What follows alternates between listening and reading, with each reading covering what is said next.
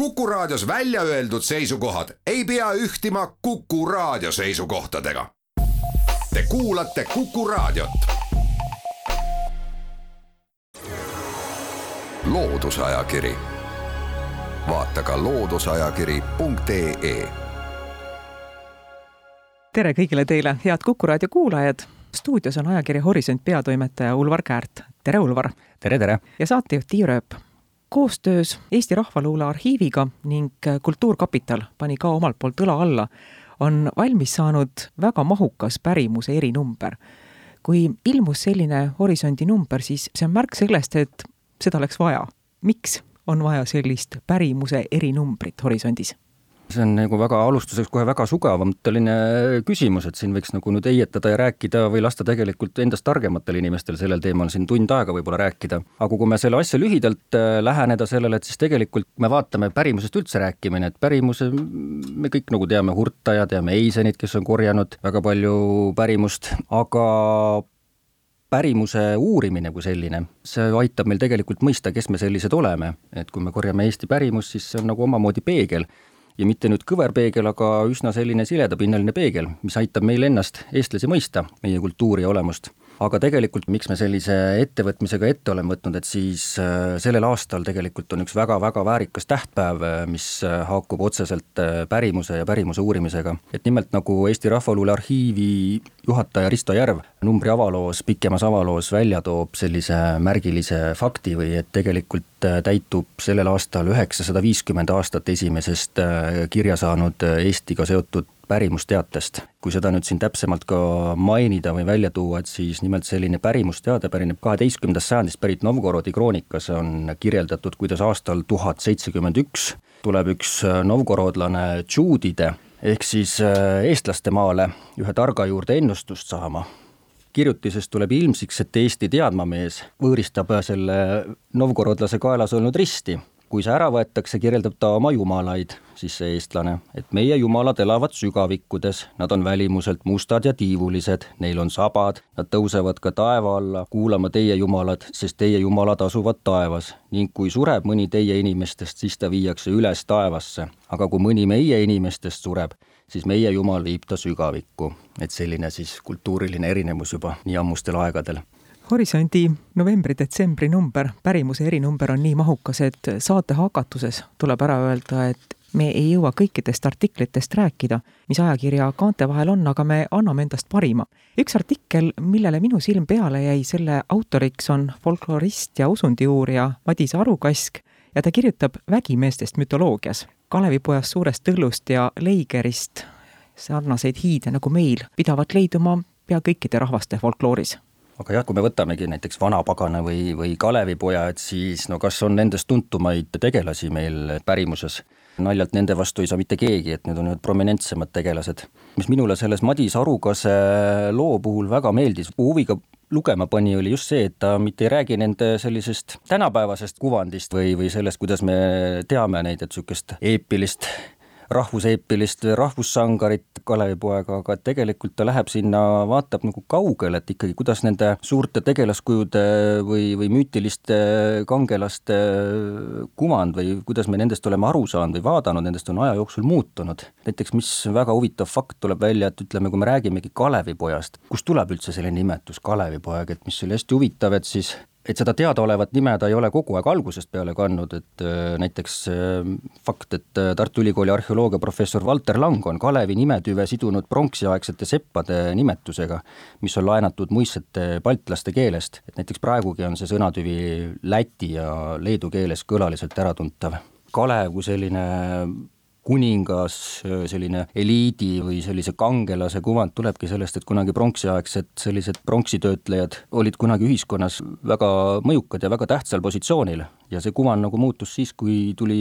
rauaaeg ja muutis seda ühiskonnakorraldust, et siis tuli, ütleme, see endine eliit, endine justkui selline mõjukad ja valitsejad, et äh, nemad nagu sattusid justkui põlu alla, et kui siin ka tuleb ka välja tegelikult, Kalevipoeg ei ole kunagi olnud sellise, kuidas öelda, sellise hea kuvandiga, et tegelikult äh, suulises pärimuses on Kalevipojal ikkagi selline üsna vastuoluline maine. et äh, jah, ja kui me võtame ka näiteks Vanapagana, kes on ka jälle üks,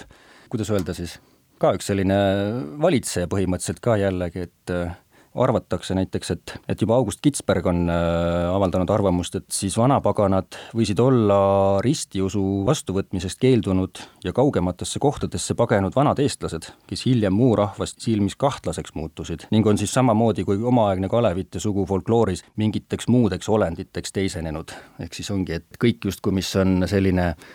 hirmu tekitav või ebakindel, et see siis ongi justkui see vanapagan on kehastanud sellist kõikvõimalikke hirmusid uute olukordade, ilmastikunähtuste või selliste tundmatute olukordade puhul. lehitseme ajakirja Horisont kuuendat numbrit edasi. Mare Kõiva annab ülevaate üleloomulikest tegelastest Eesti pärimuses ning kui palutaks nimetada üleloomulikke tegelasi meie pärimuses, siis eks haldjate ja maa-aluste ja näkkide peale tuleb pea igaüks, aga see, et Mare Kõiva on siia nimekirja liitnud ka pokud ja naksitrallid, see esmapilgul tuli natukene üllatavalt see oli ka minu jaoks, selles mõttes ma kergitasin nagu kulmusid, et aga samas nii see ongi, et see, kui me võtamegi, et see pärimus või kõik, et need vanad müütilised tegelased või üleloomulikud tegelased, et äh, need ei olegi ju justkui õigemad need, kes on seal Hurda või, või Eiseni kogutud äh, materjalides. et kui me võtame ka ilukirjandust, eks ju, või sellised ilukirjandustegelased, see on samamoodi nagu uue aja pärimuse tegelaskujud, et äh, miks ka mitte aga jah, et selles mõttes Mare Kõiva loost on tõesti nagu selline võrdlemisi entsüklopeediline ülevaade kohe kõikvõimalikest nendest üleloomulikest olenditest, et eriti huviga ma lugesin Näki kohta, sest mul on endal väga eredalt lapsepõlvest meeles, kes on siis kõige kuulsam selline veega seotud haldjas näkk, aga mitte nüüd siis Eesti pärimuses, mitte nüüd selline kalasabaga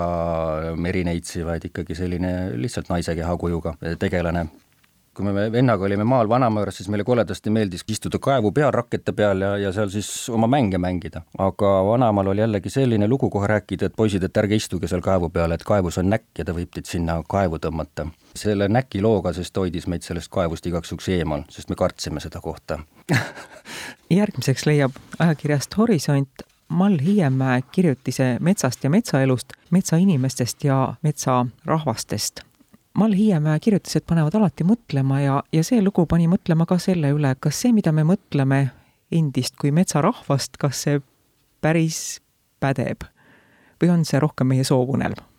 see on jälle väga huvitav lugu, aga Mall tegelikult toob ka selle välja ikkagi, et see on ikkagi vist pigem nagu tänapäeval ta taandub ikkagi sellisesse soomõtlemisse,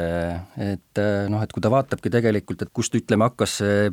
piir tõmmata siis nii-öelda, mis on inimese jaoks oma ja mis on nagu võõras või et siis äh, see siis tuli, ütleme,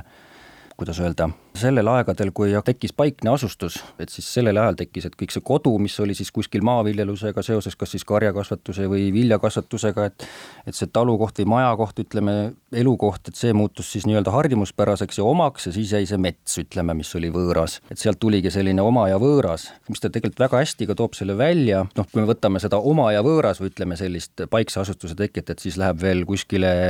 see oli kuskil aastatuhat enne meie aja arvamist, kuskil paigutatakse seda piiride tõmbamist, kui tekkis selline mets ja kodu. meil meeldib nagu mõelda vist justkui, et oleme metsarahvas kui vaadata, et kes siis on metsarahvas, et, et metsainimeseks pidava inimese identiteedi kujunemisel näib suunaandjaks olevat metsaelu tundmaõppimine alates lapsepõlvest ning vanema põlvkonna eeskujul. aga et kui palju meil sellist asja on tänapäeval, et seda on väga-väga vähe, siiski on ju ilus mõelda, et oleme metsarahvas.